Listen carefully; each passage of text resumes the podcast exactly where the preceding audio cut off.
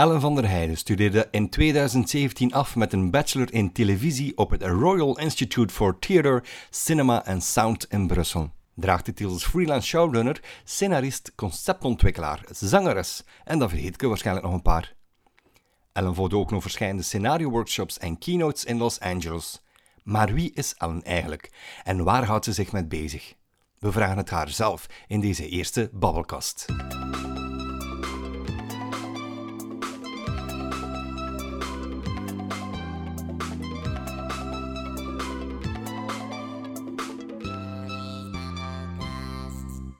Dag Helen. Goedemorgen, Jury. Goedemorgen. Eerst en vooral heel erg bedankt dat je dit wil doen, de allereerste babbelkast hier bij mij. Ja, zot hè? Ja, ja. Ik weet, uh, vorig jaar ergens hebben we het er samen over gehad dat dit toch wel een beetje nieuw radio maken is, mm -hmm. zoiets.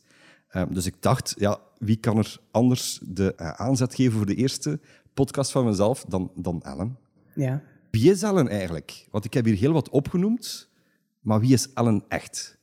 Ik stel me die vraag nog elke dag. Oei. Nee, ja, ja wie ben ik? Ja, ik, um, ik doe een beetje mijn ding. Dat vind, ik, dat vind ik vooral belangrijk. Is dat ik doe veel dingen door elkaar. Eh, je hebt dat zelf ook wel aangehaald in uw intro. Ja. ja, ik doe veel dingen door elkaar. Maar ik vind het wel leuk om die variatie te hebben. Ik heb het moeilijk met de gedachte dat ik heel mijn leven zo vast zou zitten aan een 9 to 5 of zo. Ik heb heel veel Mhm. variatie nodig, merk ik. En dus daarmee, ja, ik, ik, um, allee, ik schrijf vooral. Dat is mijn hoofdberoep. En dus ja, ik schrijf uh, nummers, allez, muziek, uh, tv-reeksen, en dan nu die, sinds vorig jaar ook die podcasts. Um, dus ik vind dat wel heerlijk om een beetje te experimenteren met wat wil ik vertellen en op welke manier. Mhm. Um, dus ja, wie, wie, wie is Ellen? Ja, ik denk niet dat... Ja, wie is Jury? Ja, Ja. Je, je weet dat toch niet? Dat is een moeilijke Ja. vraag. Ik denk dat je dat... Je weet dat toch... Zelfs op een dag dat je doodvalt, nog niet wie dat je bent. Dat is... Dat is je zijt wat dat je doet, denk ik. En wat Ik zal de, de vraag misschien anders stellen. Hoe Ja, denk je hè? dat mensen rondom jou jou zouden beschrijven? Oei. Ik denk... Ja, de hoe filosofisch gaan we? Oei, ja, eh, podcast, hè? laat u gewoon gaan. Laat u Ja, gewoon nee, gaan. ik, ik, eh, de reden waarom ik het zeg is, ik denk dat mensen mij een beetje anders zien als hoe dat ik ben. Maar dat is ook natuurlijk mijn fout, omdat ik dat ook wel een beetje eh, in, in gang zet. Ik denk dat mensen mij zien als iemand die heel extravert is. Die heel hard eh, eh, de boel altijd een beetje wil opvrolijken. Elk uur van een dag. Ehm, maar eigenlijk, allee, en dat is ook wel waar, maar, maar ik denk dat dat ook wel een beetje compenseren is voor, voor een soort... Ja, ik ben een schrijver, hè. En schrijvers hebben honger, hè. En dat, is, dat, dat, dat klinkt nu heel zweverig en esoterisch of zo, maar, maar ik ben altijd een beetje op zoek naar wat ik wil vertellen en wat ik ermee wil doen. En ik denk dat dat daardoor dat ik altijd zo wel een beetje ongelukkig ga zijn. Maar in de, allee, dat is daarom niet per se negatief, hè. Mhm. Maar eh, door het feit dat ik, dat ik altijd zo'n beetje zoekende ga zijn naar waarom en, en hoe en wat, ehm, compenseer ik wel wat door enorm proberen gelukkig over te komen of zo. Of, of gelijk te willen tonen van, van het is allemaal oké en, en, en ik weet goed waar ik mee bezig ben. Want er zijn bijvoorbeeld veel mensen die naar mij komen om, om te zeggen, amai, je bent goed bezig, hè. Omdat ze dan zo artikels van mij zien of het een of het ander. Dan moet ik altijd gaan zeggen van, maar ik ben krak hetzelfde als dat ik was, want er is voor mij niks veranderd. Oké, dat is naar de buitenwereld toe een beetje veranderd, maar ja, dat is, ik zeg het, dat is een beetje, dat is een beetje esoterisch. Hè. Dat is een beetje mo- moeilijk, maar eh, Maar Je zegt, ik ben niks veranderd. Sedert wanneer weet jij wat je wou doen, wat je nu eigenlijk aan het doen bent? Je bent in 2017 afgestudeerd. Mhm. Wanneer zijn die plannen gekomen van, ik wil die richting uitgaan, ik, ik wil eh, tv-series schrijven, ik wil podcasts maken. Wanneer is dat idee eigenlijk gekomen dan? ik ben daar echt al heel lang mee bezig wel. Ik, ik weet nog dat ik in het lager, ehm, in, in het zesde leerjaar en zo, al, al naar mijn juf ging van... Ik heb een boek geschreven, wilt je dat eens nalezen en zo. Dus allez, ik, ik ben echt al heel, heel lang bezig met taal en met schrijven. En, en ik weet eigenlijk sinds mijn tien jaar of zo al van ik wil schrijver worden later. En dan in, in het middelbaar is dat een beetje beginnen manifesteren naar ehm, films, kortfilms vooral. Ehm, en eigenlijk op mijn twaalf, op mijn twaalf of dertien heb ik mijn eerste langspeelfilm geschreven. Ja, en dat was in het Engels zelfs. Het was een afgrijzelijk geschreven.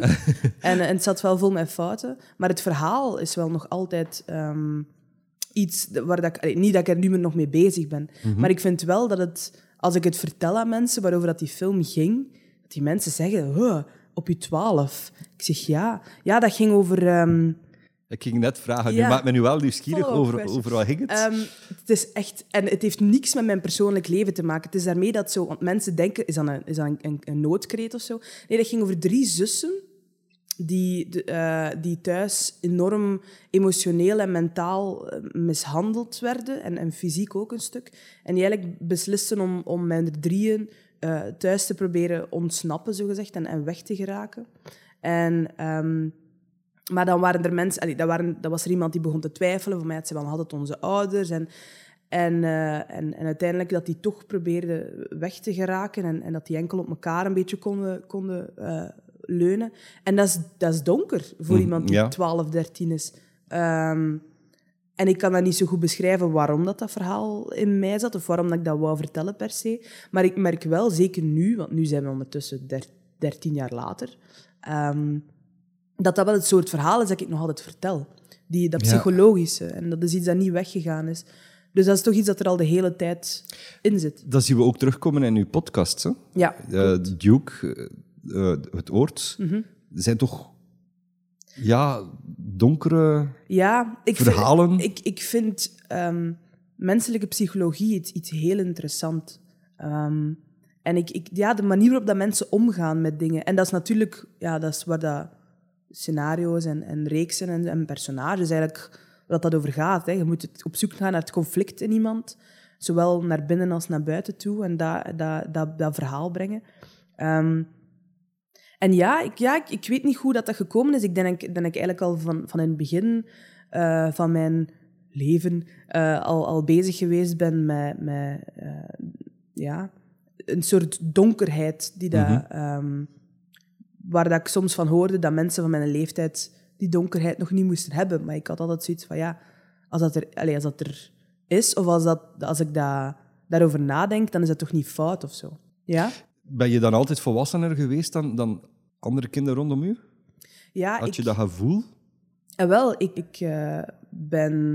En dat is iets waar ik eigenlijk eh, niet echt over... Of nog nooit eigenlijk over gepraat heb, of, of, of nog veel eh, eh, over praat met mensen, maar ik, ik ben hoogbegaafd. En ik, ik heb ook een jaar eh, overgeslaan. Allee, ik ben, ben op mijn eh, drie of vier... ik verjaar vroeg in september, dus ik ben technisch gezien op mijn drie jaar begonnen op, op, op, het, op het lager.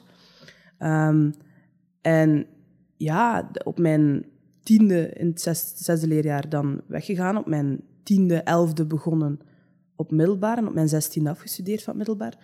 Dus ja, ik, ik, ben altijd, ik heb altijd een beetje moeten compenseren natuurlijk.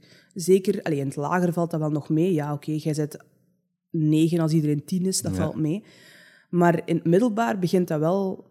ehm, ja, dan zet jij 13 als iedereen 15 is. En dan zet jij 16 als iedereen 18 is. Ja. En dat begint het gat wel, wel groot te worden. Zeker als er dan mensen zijn die dan gedubbeld hebben, dan beginnen Mhm. echt met gaten van 2,5 jaar. En ik heb altijd wel een beetje het gevoel gehad dat ik een beetje moest, ehm, mij moest bewijzen. Ja. Of moest compenseren voor iets. Van ja, ik, ben nog, ik zit nog niet in de puberteit, maar al Mhm. mijn vrienden wel. Dus ik moet wel een beetje doen alsof. Ja. En ik dat dat wel ook, ook ehm, er een beetje voor gezorgd heeft. Dat ik wel eh, altijd zo'n beetje mensen ben beginnen bekijken of, of beginnen analyseren om ze... Ah, als ik zo doe, gelijk dat die doet, dan komt het goed. Want dan ben ik zo en dan val ik, val ik niet op of zo. Maar, eh, Wat ja. er direct in mij opkomt, een kind dat niet in de groep past, dat wordt gepest. Het viel goed mee. Ik, zal, ik, eh, allee, ik, wil, ik wil er ook niet over dramatiseren als het niet zo was. Want ik lag niet slecht. Ik heb nooit slecht, slecht in de groep gelegen, gelukkig. Ehm, ik ben wel iemand die. Ik denk dat ik een beetje een, een sociale chameleon wel ben. Ik, ik denk dat ik in veel groepen mijn plan kan trekken. Ehm, ik, heb, ik heb het altijd goed gevonden met de wat stillere mensen. Ik heb het ook... Allez, ik, ik, heb het nooit... Ik heb nooit problemen gehad. Ik heb nooit een trauma overgehouden aan school of zo. Ehm, of toch niks dat ik mijn eigen niet heb aangepraat. Eh, want het viel goed mee. Want eh, ja, in het begin... Ja, je zit natuurlijk... Allee, ik heb dingen gedaan op het middelbaar waar ik nu van denk, oh, oh god, wat heb jij uitgestoken? Eh, niet, hè? ik denk dat vrienden, ik denk, voilà, ik denk dat vrienden van mij die mij nu wel nog kennen van het middelbaar, dat die dat, dat, die dat wel kunnen beamen. Maar ehm, ja, ik, ik, ik zeg het, ik probeer altijd op... Ik, ik ben wel een beetje een people pleaser. Ik vind het jammer als mensen zeggen van... Ik vind het jammer als mensen mij niet goed kunnen hebben zonder dat ze mij kennen. Dus ik doe er altijd heel veel aan om mij wel een beetje te aan te passen naar wat dat iemand naar op zoek is in iemand of zo. Da- da- Daarnet zeg je, eh, ik, ik kwam vooral overeen met de, de stillere types, maar jij lijkt mij echt totaal geen stil type. Je lijkt mij, maar ja, zoals je zegt, een people pleaser, maar is dat dan een façade dat je optrekt? Oh ja, maar ja, is, is, trekt iedereen niet een beetje een façade op? In, in, allee, ik, ik heb recent nog eh, een conversatie gehad met een vriend van mij, van ja, ehm, wie zijn wij eigenlijk? Want eigenlijk, ons, allee, uw persoonlijkheid is, is, is toch ook maar iets dat je doet? Snap je? Ik vind het soms Ja. moeilijk als ik personages... Soms als ik personages schrijf en ik moet dat pitchen bij productiehuizen of zo, dan vragen die van wie is dat? En dan moet je zo'n biografieke schrijven. En ik vind dat altijd zo stom om een personagebiografie te moeten schrijven over, over de manier waarop dat iemand denkt en doet. Want wij zijn, toch, wij zijn niet als mens samen te vatten in één alineaake, toch? Of van, ja, hij houdt van X, maar eh wat dat hij niet tegen kan, is Y. en, en, eh, en, en hij is allergisch aan dit en dat. Oké, maar ja... Ik denk, allee, mijn echte zelf is toch iets dat, dat ik aan weinig mensen laat zien. Want dat is iets dat, dat ik gewoon doe als ik thuis ben en alleen ben. Maar dan nog, dan zit je ook maar gewoon zonder, zonder gezichtsuitdrukking achter je computer gewoon te klikken en te doen. Dus ja, allee. Ja, allee, ik heb het eh, daarnet ook gezegd in het begin. Hè. Ehm, mensen zien mij als iemand heel extravert en iemand die veel gesten doet en veel aandacht opeist. En ik denk dat dat ook wel zo is, want ik heb ook wel veel aandacht nodig, ik weet dat. Ehm, maar ja, is dat mijn persoonlijkheid? Ja, nee, want ik vind het moeilijk om mensen te storen. Dus als het dan gaat om eh, eh, ja, bellen om iets te fixen of zo, of gelijk tegen in een restaurant zo, te moeten gaan zeggen van mag ik dit of mag ik dat, dat vind ik dan wel veel moeilijker. Ja? Ja, dus ik ben niet, ik ben niet een held sociaal. Nee, ik, ik, ik, ik voel mij snel comfortabel bij mensen. Dat wel. Ik voel mij snel alsof ik die grapjes en, en dingen en zo mag doen bij Ja. mensen. Maar ehm, ja, nee, ik ben niet de grote held die iedereen en alles... eh, dat, is, dat is dan misschien wel inderdaad een beetje een, een façade, ja. Maar je moet ook wel in, in ons job natuurlijk. Je moet je kunnen verkopen, je moet durven. Dat kan ik dus absoluut niet, hè. Op zo van die netwerkevenementen en zo mensen gaan aanspreken. Oh, ik stak door de grond. Ik sta echt altijd in een hoekje gewoon van... Kijk niet naar mij, kijk niet naar mij. Ja, nu, eerlijk, ik, ik heb dat ook wel een beetje. eh, mensen zeggen ook, allee, bij de radio dat ik heel spontaan ben en, en eh, dat ik goed kan praten, maar ik, ik, ik, voel wel hetzelfde als jij. Heel stom. Op, als ik een trouwfeest of zoiets moet draaien Mhm. en, en er komt iemand naar mij die zegt van er staat een auto verkeerd geparkeerd, wilt je die nummerplaat een Oh, keer afroepen? Ja. Dan heb ik zoiets van, ik, ik ben hier voor de muziek, maar, maar allee, ik, ik wil niet alle aandacht op mij vestigen, want daar ben ik niet voor. Ja. Mhm. En dan heb ik zoiets van, allee, ja, ik zal het dan maar afroepen, maar eigenlijk doe ik dat ook niet graag. Ik, en, en heel veel mensen vinden dat ook raar, omdat ja, ik maak radio, maar radio zit je, zoals jij zegt, je zit aan je scherm, Ja. in dit geval ook met een micro, en, en ja, je zit op, je, op jezelf. Het is niet... Ja, het is, iets heel raar, maar ik zal, ik zal ook niet op, op een of andere beurs daar gaan staan van hey, hallo, kijk naar mij, Ja. hier ben ik. Ik denk dat het ook een beetje een kwestie is van getoond wat je wilt tonen aan mensen. Dat is het. hè. Met Mhm. ja. die radio voelt je je comfortabel, dat is je comfortzone. Ja. En als er dan iemand opeens komt van, kunt je dit doen? Dat is ook... eh, Ik werk, eh, allee, eh, ik, ik werk af en toe ook als redder in, in het zwembad hier in. Wetteren. En, en, en soms sta ik boven en dan komen ze zo af van... Kunt je dat omroepen en dat er iemand zo... Dat er een, een, een, kindje of zo eh, niet teruggevonden wordt?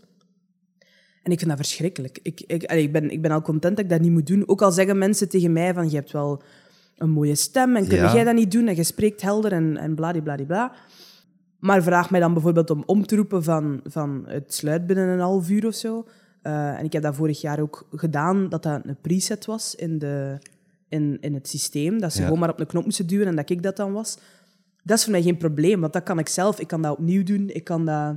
Het moet goed zijn. Ja, alhoewel dat ik wel niet zo'n perfectionist ben als ik vergelijk met andere mensen. Ja.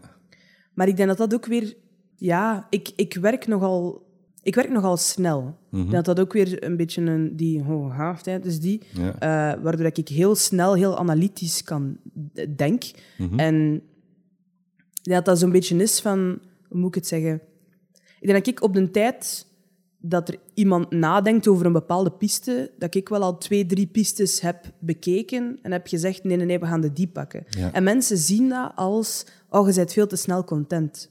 Ik hoor dat al heel mijn leven, van, je bent veel te snel content. Jij denkt, oh, ik, jij denkt nieuw na over iets, jij denkt, oh, deze gaan we doen en dat is goed genoeg, terwijl je niet nadenkt over wat dat beter kan. En daar, dat is wel iets waar ik echt al heel mijn leven mee worstel op een bepaalde manier. Van, Maar is dat zo? e- Eigenlijk heb je al de hele tijd alles bekeken en bestudeerd en ben je gewoon eh, rapper daarin. Ja, Sneller. dat is het. En, en, en dat is ook iets... Ja, ik zeg het, ik, ik loop daar niet zo graag mee te koop. Dat is een kaart die ik niet graag trek. Want...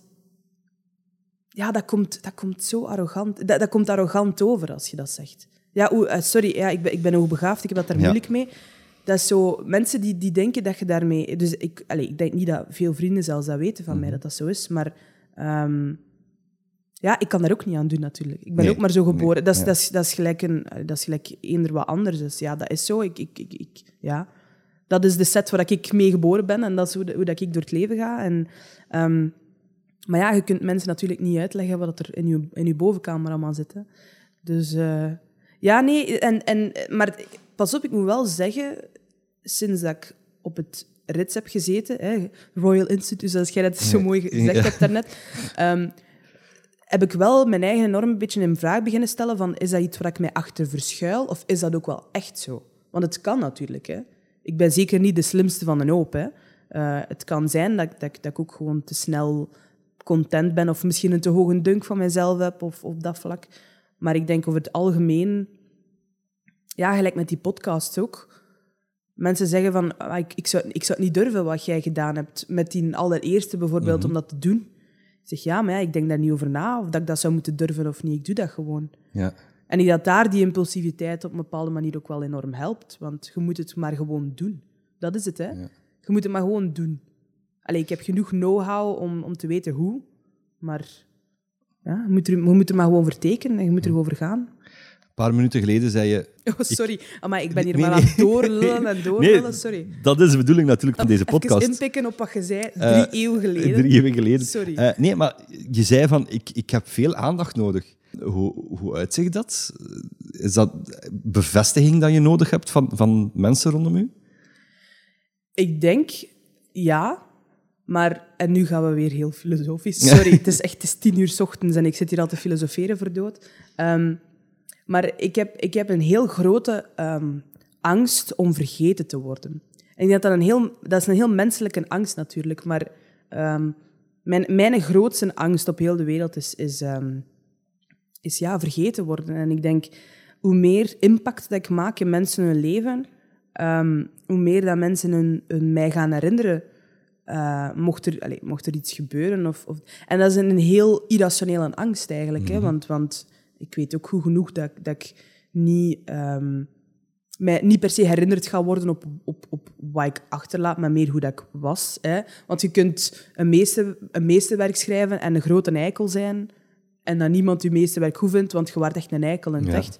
Ehm, en dus daarmee is, het- is, is het een beetje die in balans. Maar ik denk, ja, zeker, zeker omdat ik mijn best doe om mensen onder een dag altijd een beetje beter te maken als ik hem zie. Eh, Als ik, als ik, als ik mensen zie. ehm, dat ik wel, dat wel doe bewust om te denken van oké, maar, maar dan gaan ze misschien toch door mij een goede dag gehad hebben. Dus dat is genoeg of zo, op een bepaalde manier. Ja. We gaan iets minder zwaar gaan. Sorry. Nee, de, de filosofische klap is achter de rug. Nu gaan we hem op. We zullen wel zien waar het eh, toe, toe leidt natuurlijk. Ehm, de podcast die Ja. je maakt, die zijn natuurlijk ook zwaar. Goed genoeg. De- ja. Hoe kom je... ehm, hoe, hoe begin je aan zoiets? Dus je zit met een idee en dan? Hoe, hoe gaat het verder? Ehm, specifiek over de podcast of gewoon in, in het algemeen? Of, of televisie, of, of, of Want ja, een mijn- nummer schrijven. Ehm, ja, we zullen misschien op de podcast hebben, want het proces is, is, is overal wel een klein beetje anders. Mhm. Maar ja, die een allereerste podcast. ik weet nog dat ik aan het werken was En ik was met een podcast in mijn oren aan het werken. Want ik luisterde er wel een, een paar. De, dus nu zijn we, denk ik, december 2019. Mhm. Ehm, en opeens kwam ik op eh, een fictiepodcast uit, een, een, een Engelstalige fictiepodcast. En eh, ja, ik, ik luisterde daarnaar en de eerste aflevering had ik onmiddellijk... Deze is zo stom, maar ik had onmiddellijk zoiets van, ik kan dat beter. ja, dat was, ik hoorde daar zo precies zo wat de fouten in. Mhm. Op een bepaalde manier. Ik hoorde van, ah, ik zou dat hier gedaan hebben, of Ja. ik zou dat iets anders gedaan hebben, of... of oh. En om een duur kwam ik zo tot de conclusie van... En dat heeft, dat, die, heel die gedachtegang heeft, denk ik, misschien een kwartier geduurd. Hè. Ik luisterde, ik dacht, oh, dat is wijs. Ik dacht, oh, dat is brak. Oh, dat kan ik beter. En dan op een bepaald moment was er gewoon die klik van, ah ja, misschien moet ik dat maar gewoon een keer doen. Ehm, en dan keek ik en dan zag ik ehm, dat er eh, in, in Vlaanderen nog niet echt iets was. Allee, er zijn wel ehm, mensen, allee, Vlamingen, die in Nederland fictiepodcasting doen.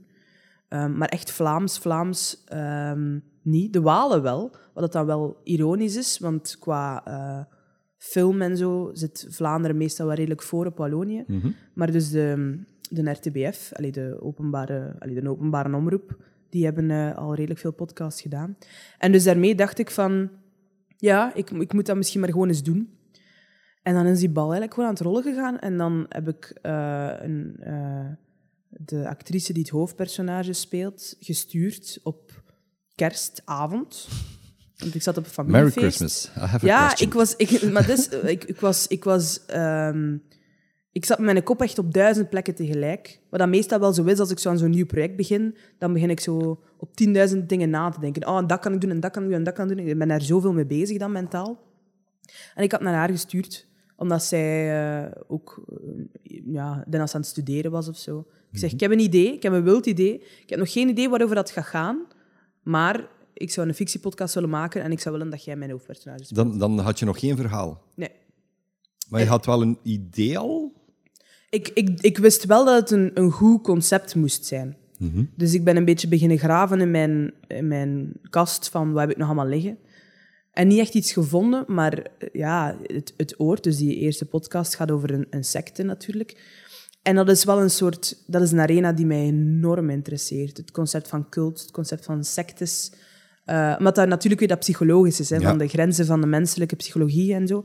Ehm, en dus daarmee, ik heb een beetje een concept aangepast. Ehm, er, er waren heel veel eh, ehm, reeksen over mensen die in een secte zitten en die eruit willen. Of, mensen, of een cultleider die, die tot, tot stand komt. Maar er waren eigenlijk geen verhalen over ehm, de familie van een cultleider. en, en de impact dat dat heeft op, op dus een beetje die discrepantie tussen ik zie die als mijn vader. Maar dus de, het is interessant om een beetje die discrepantie te zien tussen, ehm, tussen hem als vader naar die twee kinderen toe, waar dat het oord dus over gaat, en naar, naar hoe dat die staat binnen de cult en hoe dat, dat ehm, escaleert. Ehm, dat hij om een duur veel minder vader is en veel meer cultleider, terwijl het in het begin omgekeerd was. En dat is een heel interessante dynamiek die dat eigenlijk nog niet verkend was in, in fictie over het algemeen. Dus dan dacht ik, daar heb ik een gat. Hoe is die onthaald geweest dan? Het oort ehm, zeer goed, over het algemeen eigenlijk. Ik dat hij nu, ik zou eens moeten checken, maar ik denk dat hij op, op Apple bijvoorbeeld nog altijd 4,5 sterren heeft op 5. Ik denk dat hij 80 of 85 keer gerate is. Dus het is ook niet dat het gewoon maar drie mensen zijn. Ja. Ehm, ik zie die heel veel eh, aangeraden worden in, op, op Twitter en zo en in, in, van die podcastgroepen. En ik krijg er wel af en toe wel nog niet keer berichtjes van, Ja. eh, van, van dat dat heel, heel ehm, wijs is. Het was ook de eerste natuurlijk, hè, want sindsdien... ehm allee, daar heeft, heeft hij ook wel een beetje promotie over gehad. Ik had natuurlijk ook Hugo Baul als, als mijn cultleider. Ja. Wat dat, ehm, een, een heel... Allee, die kerel heeft een prachtige stem en, en ik was heel, heel vereerd dat hij dat, dat, hij dat wou doen. Ehm, dus dat is zeer goed onthaald over het algemeen. We zijn eh, vorige week of, of twee weken geleden zijn we boven de du- eh, 150.000 streams geraakt, Mooi. wat dat zeer leuk is. Dus ja, en, en het oord is ook nog altijd een, een, een concept dat mij zeer nauw aan het hart ligt. Ik heb... eh, Begin dit jaar ehm, is er een poging geweest om het eh, te adapteren naar een televisiereeks. En dus die mogelijkheid ligt ook zeker nog altijd open. Uh, want ik ben nog altijd een beetje aan het pushen bij productiehuizen Ja. om die adaptatie te doen. Ehm, dus het kan, allee, het kan zijn dat het er komt, we zullen zien. Laten we hopen. Ja, wel. Kunnen we zeggen dat podcast in Vlaanderen begint te werken? Ja, zeker. Ik denk eh, de laatste twee jaren, en ik denk dat corona daar ook wel een stuk mee te maken heeft natuurlijk, ehm, dat podcasting in Vlaanderen enorm hard aan het, aan het boomen is. Ik denk vooral non-fictie dan. Je ziet dat ook vooral in, ehm, in bijvoorbeeld een openbare omroep, hè, de VRT, Ja. die nu eigenlijk voor Radio 1, Radio 2, Clara heeft podcast, Sportza heeft podcast, Studio Brussel heeft er, ehm, VRT zelf. Dus die beginnen dat wel een beetje te zien als, ah ja, dat is een beetje een nieuw medium. En het is eigenlijk jammer, want we zitten echt tien jaar achter op dat- plekken gelijk Amerika en, en, en, en Groot-Brittannië. Maar bon, ik ben blij dat, dat het er komt, Ja. sowieso. En, en ik ben blij dat ik daar in de meest, eh, misschien de meest arrogante zin of zo, wel een, een, een steentje mee, een Mhm. stuk heb aan kunnen bijdragen. Ik denk, allez, hoorspelen zijn niet nieuw, zeker niet. Ehm, maar wel om, om het feit dat ik toch wel een beetje die, die weg heb kunnen... Die, de eerste kon zijn die die weg beklommen heeft op een bepaalde manier. Want ik weet dat er nu wel nog... Af en toe zie ik wel dingen passeren eh, van nieuwe fictiepodcasts die er komen en zo. En, en eh, ik, allee, kan dat alleen maar toejuichen, natuurlijk. Je, je- je zegt hoorspelen zijn niet nieuw. Dan denk ik, ehm, ik ben even aan de titel aan het denken, is The War of the War of World? the die- Worlds. ja, Wells, die ja. ooit wel een, een, een eh, paniek veroorzaakt heeft omdat die zo goed in elkaar zat of iets. Ik weet Dat was, niet dat het was, fijne een, van, maar... het- dat was een, een nieuwsuitzending. Het is nu zelf ook even geleden. Mhm. Het was een nieuwsuitzending. ehm, eh, dat begon als een nieuwsuitzending. Ja. Dat werd geframed als eh, een soort breaking news, dat er aliens op aarde geland waren en dat die de boel eh, overhoop aan het halen waren. En ja, we zitten in de jaren 50, 60, denk ik. En mensen weten, weten niet wat dat is. Nee. Dus die schieten totaal in paniek, want die denken dat dat echt is. Want tegenwoordig zou je dat nooit meer kunnen lappen, natuurlijk. Want je zit met zoveel... Ja, iedereen ja, kan onmiddellijk factchecken en iedereen... ehm, Krijg jij soms vragen over de, de echtheid bijvoorbeeld van het oord? Of, of dat het ik- gebaseerd is op waar gebeurde verhalen? Of, of... ik verschoot daarvan dat er mensen allee, op de. In de meest liefdevolle zin, ik verschoot ervan dat mensen daarin trapten. Want ik moet nu wel zeggen, het oord, ehm, dat ligt mij zeer nauw aan het hart, maar dat is ook de enigste van de eh, drie podcasts die ik tot nu toe gemaakt heb, die dat door mijn eigen volledig zelf gedaan is.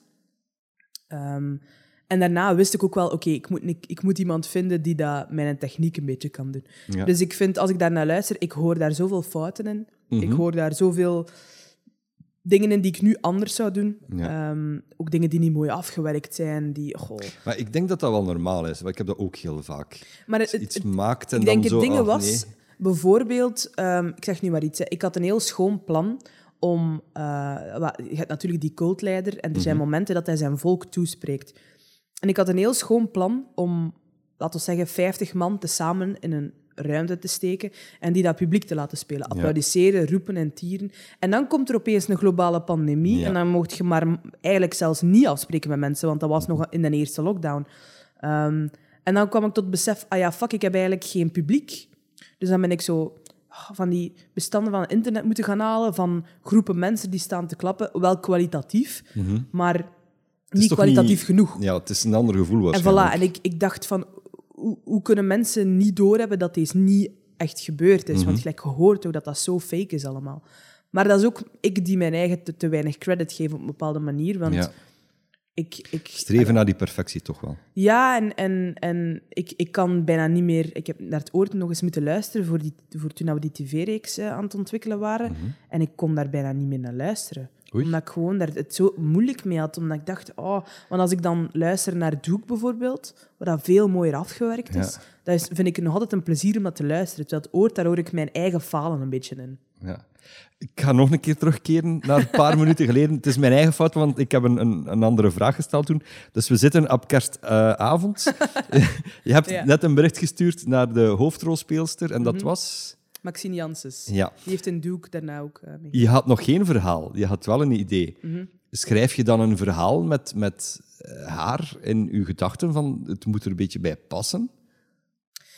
Ja en nee, denk ik. Ik denk, allez, sowieso, ik had een paar mensen in gedachten van die kan dat doen, die kan dat doen eventueel, maar ik had nog bijna niemand gevraagd. Mhm.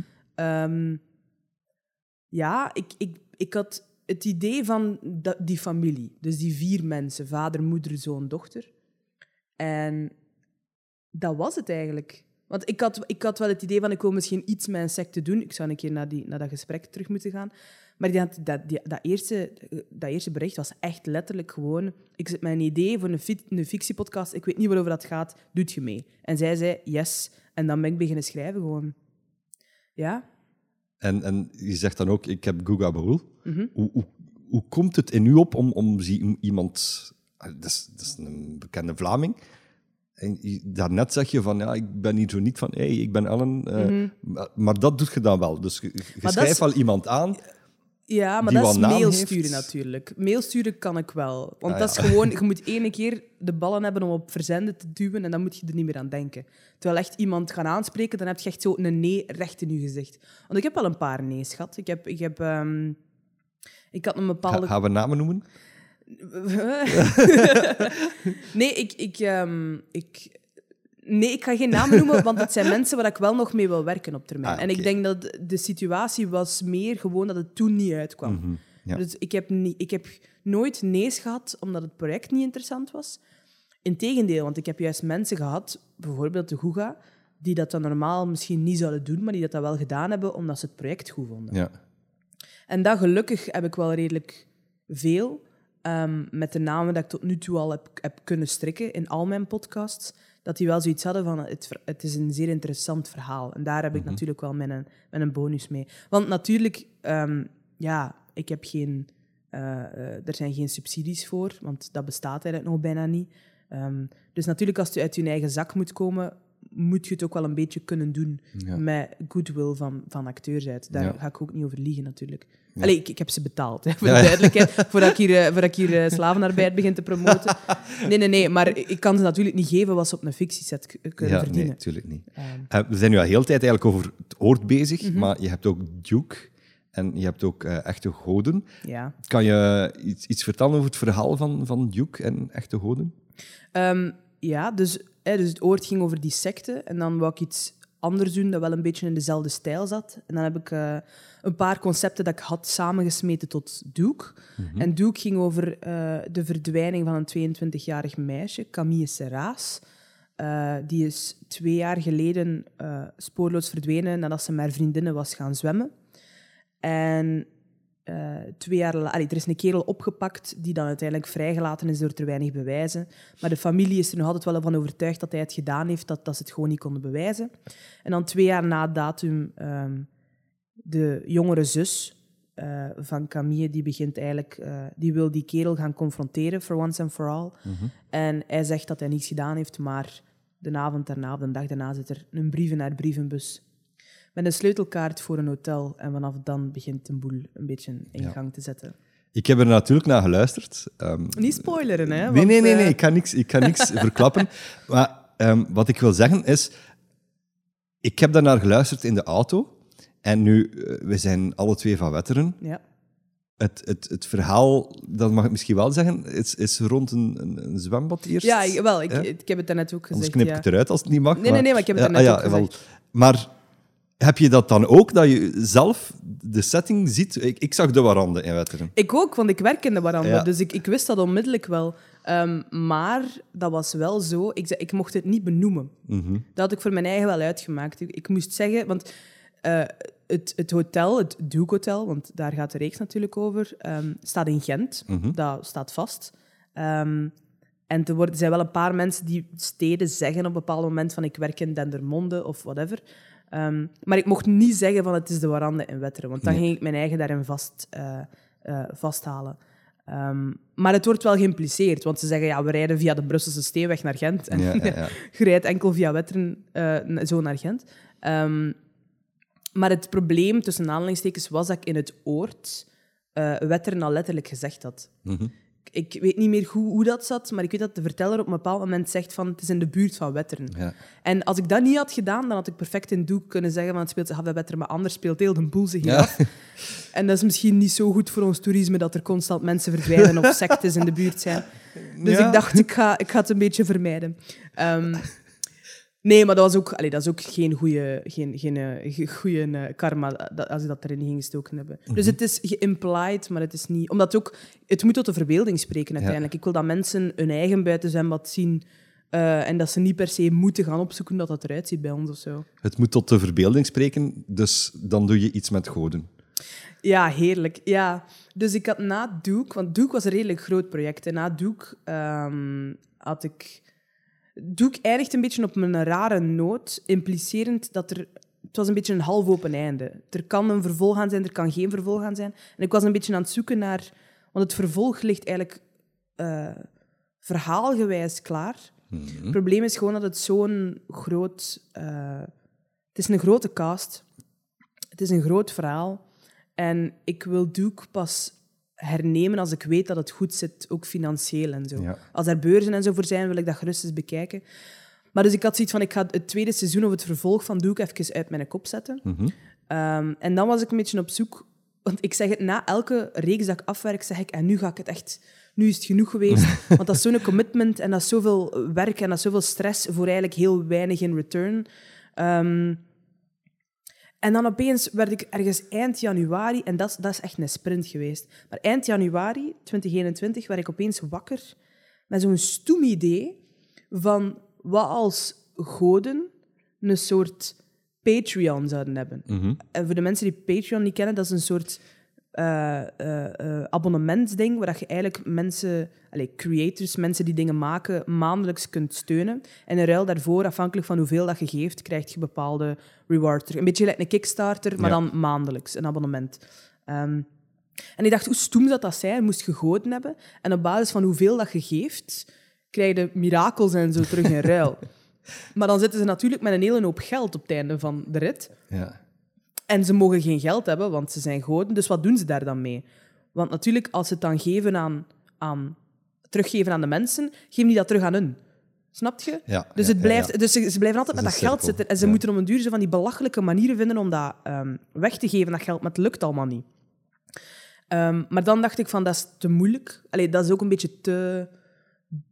Ja, dat verhaal voelde niet zo goed. Ehm, en dan heb ik het een beetje naar werkt naar ehm, ja, vier jonge goden. Dus echt zo van die millennial goden, een beetje mijn generatie, die naar aarde worden gestuurd eh, om eh, mensen te komen helpen. En ze komen op het geniaal idee voor een social media te starten. Ehm, en ze zeggen, iedereen die de eerste 24 uur onze pagina liked, krijgt persoonlijk, allee, krijgt een wens of zoiets in Ja. die trant. En opeens blijkt per ongeluk dat dat volledig viraal gaat. En ze kunnen die workload niet aan. En ze beginnen wat te panikeren en wat ze ermee moeten doen. Ehm, maar dus dat is ook, ik denk, van, vanaf die een dag dat ik het eerste idee had, tot de, drie, de, de, de eerste drie afleveringen, want ik heb nu enkel de eerste drie afleveringen gemaakt, volledig af en klaar om uit te zenden, vier weken. Ja. Want ik ben, be- ik ben op het idee gekomen. Dan heb ik een paar dingen uitgeschreven. Dus ik heb zelfs maar gewoon één pagina uitgeschreven van dit is het verhaal. En daar ben ik acteurs mee gaan halen. Mhm. En dan ben ik pas teruggegaan om te beginnen schrijven, omdat ik dan ook wist van oké, dit zijn acteurs, dit, zijn hun, dit is een beetje hun stijl. Ja. Eh, want het is natuurlijk comedy, hè. Dus comedy is, is al veel moeilijker. Zeker omdat ik ook wist dat ik eh, mijn acteurs niet samen ging krijgen. Dus ik moest het allemaal apart opnemen. Mhm. Dus ik wist wel dat ik mensen moest hebben die dat zo wat goed hun eigenheid in die rol konden leggen. En dan pas ben ik beginnen schrijven aan de afleveringen zelf. Ik heb het gevoel dat je hier voor een iets jonger publiek gaat. Dus het is minder zwaar, het is comedy. Ja, Ik, ik heb de trailer of de eerste aflevering die op jouw si- site staat. mhm. staat die? Ik denk dat die op de, ja, ik denk de eerste aflevering staat op de site, denk Ja, ik. Ja. die heb ik beluisterd. Ehm, het is inderdaad veel luchtiger. Ehm, de cast, van mij mag je wat namen noemen wie dat daarbij zit. eh. Eh, ja, eh Joke Emmers. Mhm. Dat is een, een, een, een heel sympathieke Limburgse zalige actrice met heel veel talent, die ook veel op tv nu is de laatste tijd. Ja. Ehm, ik ben even aan het blanken. Aaron Blommaert, die doet mee een familie nu. Ja. En dat is, dat is ook een, een kerel die nu enorm aan het boomen is.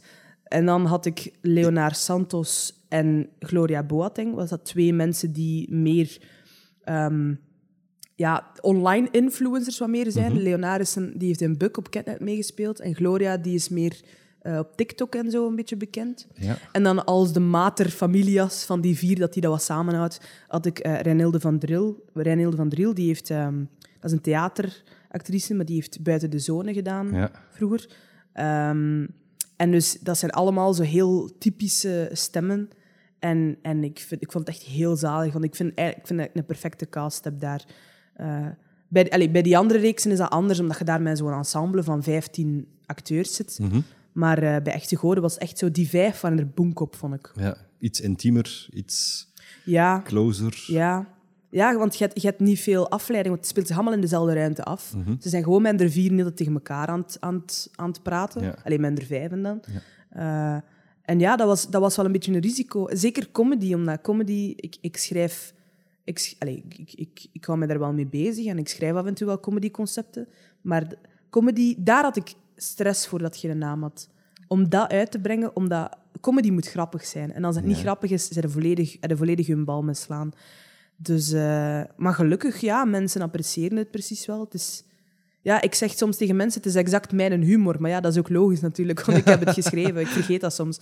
Maar ehm, ja, het is een bepaalde soort humor wel. Ik, ik, ik ben geen fan van al te platte humor.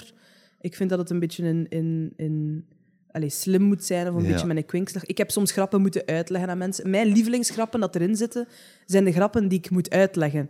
Van, ja, maar ja, dat is grappig, want in de vorige aflevering heeft ze dit gezegd en nu is het dat. Eh, dat zijn dingen die enkel ik grappig kan vinden, omdat ik Ja. dat bereik natuurlijk van buiten ken. Heb je daar niet wat schrik voor? Want meestal zeggen ze, als je een grap moet uitleggen, is ze niet geslaagd. Wel, maar daar heb ik dan een soort failsafe wel voor. Ik, ik, weet, de, ik weet de grap nu niet. Eh, ik, ik, anders, anders, maar ja, het is niet dat ik ze grappig zou kunnen brengen, sowieso.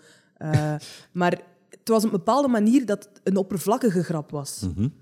Maar er zat eigenlijk een, een veel betere grap onder. Ja. Dus het was een goede grap, maar als ik dan ging uitleggen waarom dat ze grappig was, zeiden mensen, ah, ah dat had ik niet. Maar het was wel oké. Mag ik het een beetje vergelijken met de Samson en Gert grappen voor de volwassenen? Ja, Dat de kinderen daar niks van snappen, maar dat je als ouder daar wel in een deuk ligt? ja, ja, Zoiets? ja. Maar, maar niet vulgair of zo. hè? Nee, maar het waren, het waren... Ik zeg het... Ah, ik, ben, Ik zeg ook niet dat Samson en Gert vulgair is. hè. Maar ik wel. Pas op, En- jij en weet, niet, jij weet niet wat er daar allemaal achter de schermen gebeurt. Nee, nee, nee. nee. Subiet valt vinden en ik een, een rechtszaak aan mijn been. Ehm, ja, ik, ik, kan niet op, ik kan niet op de grap komen, maar het zijn inderdaad zo van die, van die dingen die, die ehm, oppervlakkig grappig genoeg zijn, Mhm. maar eigenlijk wel, wel dat er wel lagen in zitten. Ja, daar hou ik wel van. Gelaagd. Het is niet de bedoeling om een reclamepodcast te maken, maar allee, waar kunnen de mensen uw podcasts vinden? Ehm, dus ik heb een website, www.evh, dus Ellen van der Heijden, evhpodcasts.com. Daar staan al mijn podcasts eh, opgelijst. Daar staan ook alle links naar waar dat je ze kunt zien, de social media enzovoort. Ehm, en ja, kijk. Ja. We zijn nu al heel tijd over die podcast bezig, maar ik heb jou eigenlijk leren kennen als lokale artieste, als zangeres. Ja. Hoe zit het daarmee? Hoe, hoe zit het daar met die plannen? Schrijf je nog nummers? Ben je nog Juno? Ja, Juno niet echt. Maar ja, dat ligt natuurlijk ook plat door, door, ehm, door, corona. Ehm, maar ik ben, dus ik ben vorig jaar zelfstandig geworden als, als eh, freelancer. En ik heb ook wel in mijn statuten die muziek gezet. Ja. Dus het kan wel. Allee, ik zie daar. Ik vind het moeilijk, want ehm, met de meeste liefde van de wereld, ik heb het gevoel dat ik daar een stuk talent een beetje verkwansel als ik daar niks mee doe. Want, allee, talent, ik geloof niet in talenten, want ik geloof vooral in, in, in veel oefenen en hard werken. Dat is iets dat mensen natuurlijk niet zien achter de schermen. Maar ehm, ja, ik doe dat zeer graag. En ik, ik vind nog altijd een beetje een, een gemis dat ik er nooit meer mee heb gedaan dan dat ik er nu mee heb gedaan. Maar natuurlijk, en, en eh, dat is wat ik daarnet bedoelde met dat, met dat talent verkwanselen op een bepaalde manier. Ik ben met zoveel dingen door elkaar bezig. Ik denk iemand die, die de motivatie en een drive heeft qua muziek, die ik eigenlijk wel heb, die voor de rest niet veel andere dingen heeft, dat hij daar enorm op zou inzetten. En ik zou dat eigenlijk moeten doen. Maar ik zeg het, ik ben, ik ben met, met 20.000 dingen door elkaar bezig. En, en die muziek, ik, ik vergeet soms dat ik muziek speel. Lo- Loopt dat niet mis als je met alles door elkaar bezig bent? Ja en nee, want ik, ik hou daar wel van. Ik hou van die chaos. Ehm, gelijk nu ook, allee, ik ben, ik ben met, met ehm, ik zit nu met een deadline vandaag voor, voor eh, iets van Catnet. En dan ben ik ondertussen ook met, met iets anders bezig van, van, van podcast en, Mhm. en met andere reeksen. En ik hou van die chaos in mijn hoofd, omdat ik het een uitstel met het ander. Ja. Snapte? Want ik ben een uitsteller, maar dan denk ik van, oh, ik ga niet aan die reeks werken, dus ik ga aan die reeks werken. Ja. Mhm. En omgekeerd, dus je bent altijd wel met iets bezig. Ehm, maar nu ben ik dus valikant weer uw vraag aan het ontwijken. Eh, nee. Ja, ik heb recent, ik heb recent nog eh, een nieuw nummer geschreven. En, en ik probeer wel elke dag mijn gitaar een keer in mijn handen te pakken. Om, Toch een beetje eh, ehm, mijn, mijn dingen wat te zoeken. En dat is nooit spectaculair. Hè. Af en toe, ene keer om de zoveel tijd, komt er dan een keer een nummer terug uit. Ehm, maar ik heb dus wel in... eh, wat was het? Eind februari heb ik een livestream gedaan. Ja. Waar ik mijn eh, Ja. album Juist. eh, gespeeld heb. Alleen de livestream, dat was wel pre-recorded, maar we hebben gedaan alsof. Mhm. Ehm, Ik heb die gevolgd. ja. wat vond je? Goed, goed. Ja, Tof. wijs hè? Ja, ik, ik wist niet goed wat ik er moest van verwachten. Ik ook niet. Maar, maar ja, het was echt wel tof. Ja, het was ook professioneel, allee, het is professioneel gedaan. Mhm. Mijn vrienden hadden mij daarmee geholpen. Dus nu heb ik ook wel een, een beetje een professioneel uitgangsbordje Ja. als er mensen mij een keer iets vragen. Ehm, en die staan ook op Spotify ondertussen, die nummers. Ehm, ja, ik vond dat heerlijk om een keer te doen, om, om inderdaad een keer die bevestiging te hebben van ah ja, ik ben wel een muzikant, want ik zeg het, Ja. ik vergeet het zelf regelmatig. Ehm, maar ja, als daar ooit een keer toekomst in zit, met veel plezier. Ehm, maar mijn leven is zo'n chaos. Ik zou niet zeggen waar ik volgend jaar mee bezig zou zijn. Dus ik heb geen flauw idee wat dat de toekomst brengt. Als, als je zou moeten kiezen tussen muziek maken, post, podcast monteren of maken, Mhm. of televisiereeksen maken, wat is uw Dan zou ik gaan voor televisiereeksen, maar alleen maar omdat ik een heel dure gewoonte heb van alleen te willen gaan wonen. ja. Een podcast maken is superleuk, omdat je daar volledig je eigen ding mee kunt doen. En ga ik niet vast aan producers die zeggen, dat kunnen we niet betalen of dat gaan we niet doen. Eh, als ik een helikopter wil laten neerstorten, kan ik dat in mijn podcast. Eh, Voor tv komt daar nogal wat bij kijken. Eh, maar puur om die reden, ik ben graag met podcast bezig, ik ben graag met muziek bezig, maar televisiereeksen betaalt mijn rekeningen. Dus Ja. eh, dat is even gewoon pragmatisch. Ik ben nog jong, ik weet...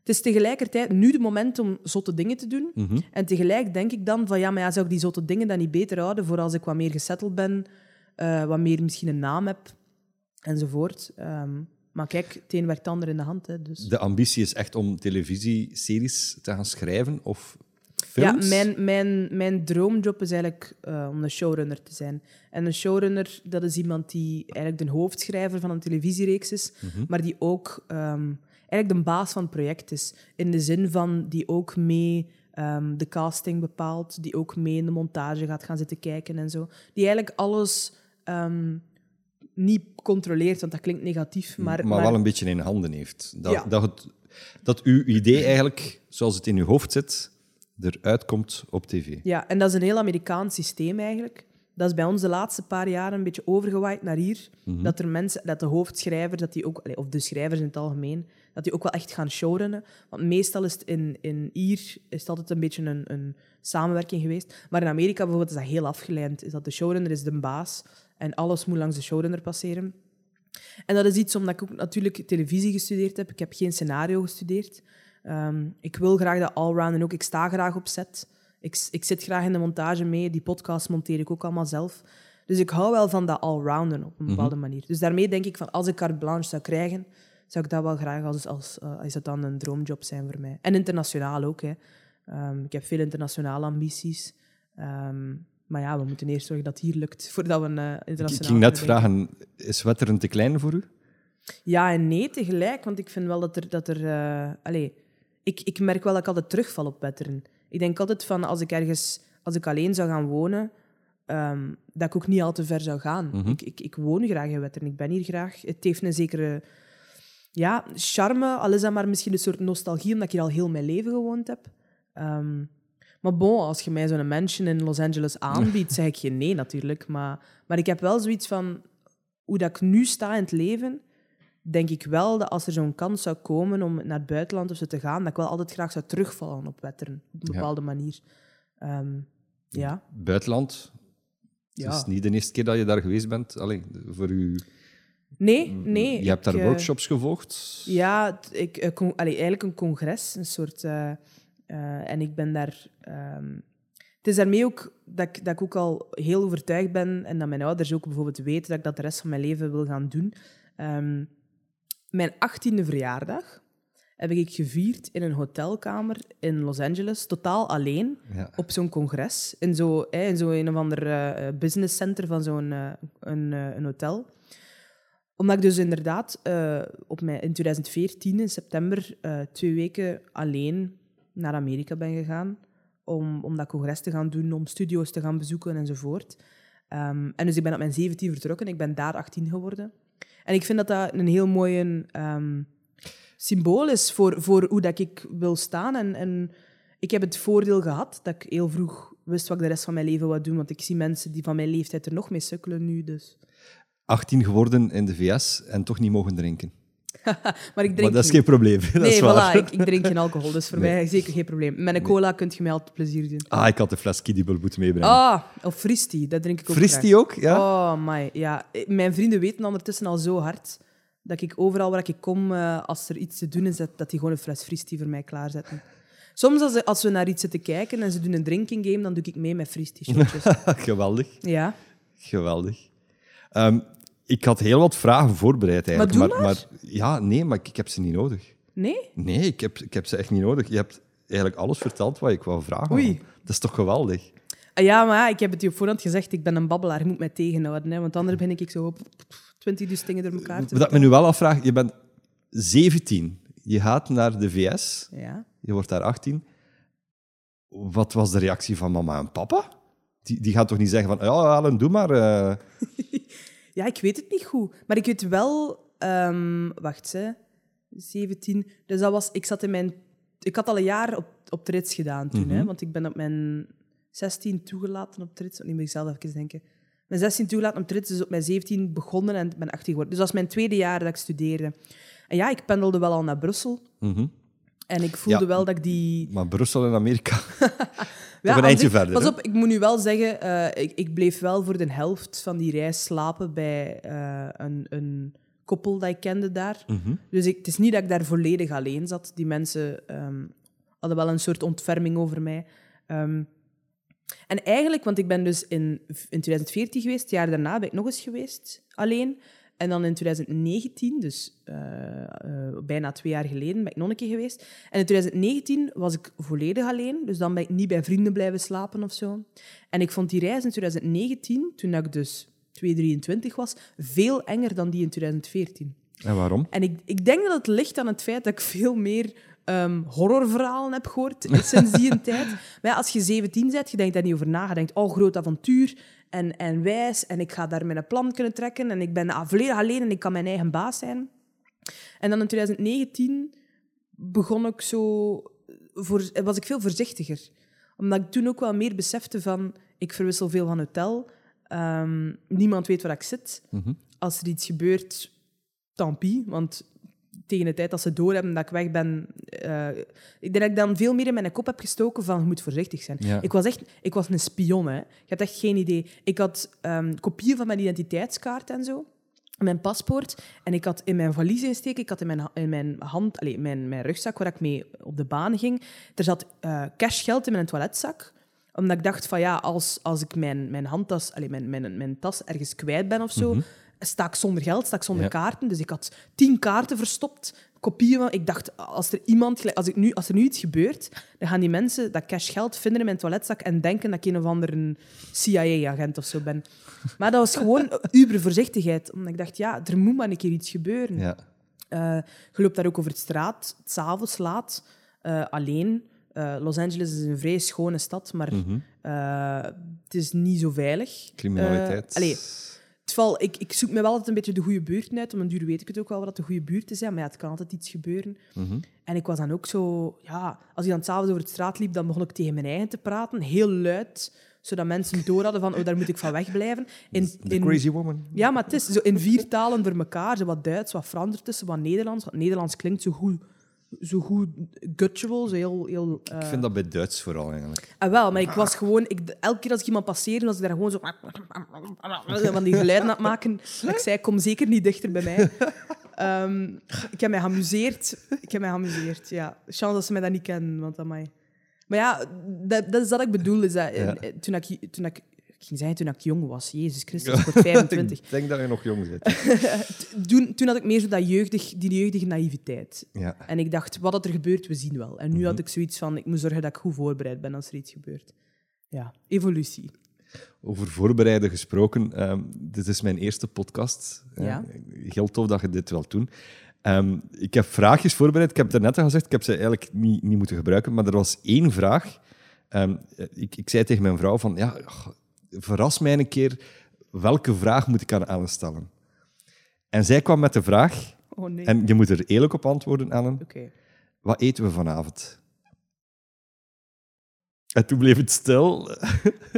Ehm, ik, ik heb dat zelf niet in de hand, want ik woon nog thuis. Mhm. Ehm,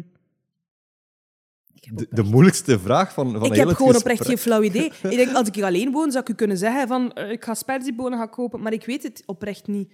Ehm, ik denk... Ah nee, het zal waarschijnlijk overschot zijn van macaroni. Ah, oké, Met broccoli overschot. in. Ja. Ja. Ik denk, ik denk dat het dat gaat zijn, want we hebben echt maar een, een stuk van die, van die schotel opgegeten gisteren, terwijl we naar voetbal aan het kijken waren. Eh, Dus ja. macaroni met broccoli vanavond. ja, goh, jongen, wat, deed jij mij, jongen, wat doe je mij aan? Zo'n vraag. Ik dacht, al, wat komt er nu? ik ben begonnen met ze te filosoferen over het leven en ik dacht, wat komt er nu? We gaan luchtig afsluiten gewoon. Ah, ja. Ja, ja, ja. Ehm, als je zelf... Ik had het anders vragen. Wat is je favoriete eten? Ehm, veel. Ik heb niet zo één ding. Ja, alles ongezond, alles gefrituurd, sowieso. Dat is geen, dat is geen goede eh, impuls van mij, maar ik fitness ook wel veel, dus ik Mhm. compenseer gelukkig. Ehm, eigenlijk wraps. Maar zo eh, wraps, en ik pak dan zo van dat pita-vlees en eh, zure room, guacamole, Mhm. Oh, sla, tomaten, avocado's nog een keer los. en dan zo van die gefrituurde ajuintjes. Dat is... zo, zo vettig of, of zo gefrituurd is dat toch niet? Het is enkel dat juintjes. Nee, dat, maar dat, dat, dat praat ik mij ook wel aan, dat mijn lievelingseten gezond is. Want anders... Maar het, Al de rest het is- bestaat uit 80% van, van groenten, dus, uit groenten. Het is dus. dat, het is dat. Wel, zure room en zo is natuurlijk niet zo goed, maar nee, Mhm. dat vind ik heerlijk. En ik weet, als ik alleen ga wonen, garantie dat dat eh, minstens één keer per week op tafel komt. Maar dat is ook praktisch, want je maakt dat zelf wat, je bent met iets Ja. bezig, mijn apenbrein wordt gestimuleerd. Uw Eh, apenbrein? Ah Ja, maar ja, ik zit voor de rest gewoon op mijn computer zo te tikken een hele dag. En ik, ik heb al veel gezegd van ik heb zo'n praktische hobby nodig, of zoiets dat ik met mijn handen doe. En ik Breien denk daarmee zo... zo. Ja. En ik denk daarmee zo een rap maken, dat ze zo... Je zit met iets... Oh, ik kook. Je bent niet aan het koken, hè, maar Nee. je denkt, oh, ik kook. Eh, en je zit met iets bezig, praktisch. En dat voedt mijn... mijn... Zou het iets voor u zijn, breien? Nee, amai, nee. Waarom? Om, ik ben onha- zo onhandig als dat de zee diep is. Oprecht. Ik ben gewoon loemp. Zelfs niet onhandig, ik ben gewoon loemp. En ik denk, ik, ik, ik ben al moeilijk met gelijk hulp vragen of zo. Dus ik denk, ik zou daar zo... Ik zou in het begin van mijn trui onderaan al twintig fouten maken en dan denken, ah, fuck it, ik zie wel waar ik uitkom. En dan kom ik met zo'n misbaksel van een trui uit. En wat doe je daar dan mee? Hè? Wat doe je daarmee, ja, Juri? ja eh, cadeau geven aan iemand. schoonmoeder? eh, ja, zoiets. Voilà. eh. Jezelf gemaakt, met veel liefde. Wow. Even misbakken als je gij. oh, Ik kan niet... Ja, ik heb geen schoonmoeder, voor de duidelijkheid. Geen referentie. Dus. Nee, voilà. Maar ik kan er me iets bij voorstellen, alleszins. Ja. Goed, Ellen. ehm, We zijn al rond. we zijn, we Kijk, zijn, we, kunnen nog wel even doorgaan dat ik u natuurlijk. gezegd maar... heb, hè. Ik, ik, ben, ik, ik lul zo vol. Kijk, we zijn al een uur bezig en ik heb nog niet anders gedaan dan gezegd. Ja, voilà. Nee, nee, nee. Ik vond het heel aangenaam, heel interessant. Ehm, we hadden nog één dingetje, een scoop. Oké. Oh, oh ja. ik kan er niet al te veel over zeggen, want er staat nog niet al te veel op punt. En Mhm. ik zit ook morgen nog in vergaderingen en zo. Ik weet niet wanneer dat je deze gaat releasen, maar... eh, Eh, elke vrijdag. Dus deze komt eh, vrijdag 2 juli. De overmorgen, oké. Ja, want we ja. zitten nu op woensdag. Dus Ja. Ellen van de toekomst, ik hoop dat uw vergadering morgen goed gegaan is. Ehm, ja, nee, ik, ik ben met een nieuwe podcast bezig. Mhm. Dat is de scoop. Ehm, en ik kan er nog niet al te veel over zeggen. Het is iets helemaal anders dan de vorige drie. Oh, jezus, ik word oud. De vorige drie, ik ben aan mijn vierde bezig. Oh nee. Ehm, maar het is een verhaal dat mij heel nauw aan het hart ligt. Ehm, het is iets ehm existentiëler. Ik heb dat volledig verkeerd uitgesproken, maar oké. Ik ga het even googlen, denk ik, dat woord, want... eh, Het is iets meer filosofischer, maar er zit nog altijd een, een goed verhaal in. Het is ook maar één personage dat vertelt. Dus het is niet meer zo'n... Een, niet, niet het gelijk doek. Ehm, meer een beetje gelijk de dagboekfragmenten uit het oord. Ja, Ehm, het wordt een monoloog. wat? Het wordt een monoloog. Ja. Ehm, Doe je het zelf? Nee, het is daarmee. Ik zit morgen samen met eh, hopelijk de actrice dat het gaat doen. Ah, maar dus en ik dat moet, is... ik moet het daar nog... Ik ga het niet zeggen. maar, ik, maar nee, want Verstel had zegt ze nee en dan zit ik hier. Maar eh, ik Maar- hoop dat ze ja zegt. Misschien kan ik dit stukje dan sturen en moet ze wel ja zeggen dan. Ja, eh, ik vrees ervoor. Nee, ik moet het daar gewoon... Het is een moeilijke rol. Het is Mhm. daarmee. Ik moet het daar nog voorleggen als het ziet zitten, want het Is is, het een iemand moeilijke rol. jong? Is het iemand oud? Iemand jong. Ehm, het is een, een... Ja, nee, kijk. Oh, kijk, ik ging, ik ging er bekend weer over beginnen. Oh, je moet me tegenhouden. Nee, ehm, ik, wil u de, ik wil u de titel geven, Mhm. Maar dat is het enige dat ik kan geven. Ik zal het niet verder vertellen. Tot vrijdag dan toe. Nee, ehm, de titel is... Oh, het is de eerste keer dat ik het, dat ik het eh, ja, je openbaar zeg. helemaal... eh, Dus het is, nee, nee, nee, het is gewoon een beetje stress, eh, want het staat nog niet helemaal op punt. Oké, de titel is Mijn naam is Bo. Dat is de titel. Ehm, en dat is het enige dat ik er momenteel over kan zeggen, want ik zeg het voor de rest. Ik, ik zou heel graag tegen eind deze zomer willen beginnen releasen. Ehm, zeg ik nu, ik heb, ben bezig aan, aan de scenario's, ik moet mijn actrice nog toezeggen. Ehm, maar voor de rest staat alles redelijk hard op punt. mhm. Dus op dat vlak kunnen we bij wijze van spreken volgende week beginnen opnemen. Maar dus eh, we gaan een beetje moeten zien hoe en wat. Maar dus liefst tegen, ja, tegen mijn verjaardag is, tegen begin september, zou ik willen release. Vroeger kan ook, hè. Als maar, cadeautje voor jezelf. Eh, wel, dat heb ik met Doek vorig jaar ook gedaan. Mhm. Dus ik vond dat wel leuk. eh, dat ik zo twee momenten heb. Een keer in maart en een keer in september om te releasen. Dus eh, kijk. Je krijgt van mij nog 20 seconden voor jezelf te promoten. Op welke manier? Want ik heb alles al gezegd. Ja, hoe, hoe, wat, waar kunnen de mensen u bijvoorbeeld inhuren voor een podcast te maken? Kan dat? Ja, zeker. Eh, dus evhpodcasts.gmail.com is Mhm. mijn e-mailadres. Als je denkt van ik wil eh, een speciale huwelijkscadeau geven en je wilt een podcast maken over, u, over uw vrouw of zo. Ik zeg nu maar iets. Nee, ehm, ja, als je iets te vragen hebt of zo, stuur mij gerust. Ik ben beschikbaar, ik ben bereikbaar. En ik vraag niet al te veel geld. Dat is een goede plug, toch? Ja, ik zal straks... eh, ja, Ik zal de factuur doorsturen, Juri. Het is oké. dat is goed. oké. goed, oké. Ellen, heel erg bedankt. Jij bedankt. Echt. En, En, eh, veel succes met uw reeks. ik- Blij dat ik de eerste mocht zijn. Ik ging net hetzelfde zeggen tegen u. Oh. Heel veel succes met eh, alles wat je nog kan doen in de Oh. toekomst. Yes. Merci, kus.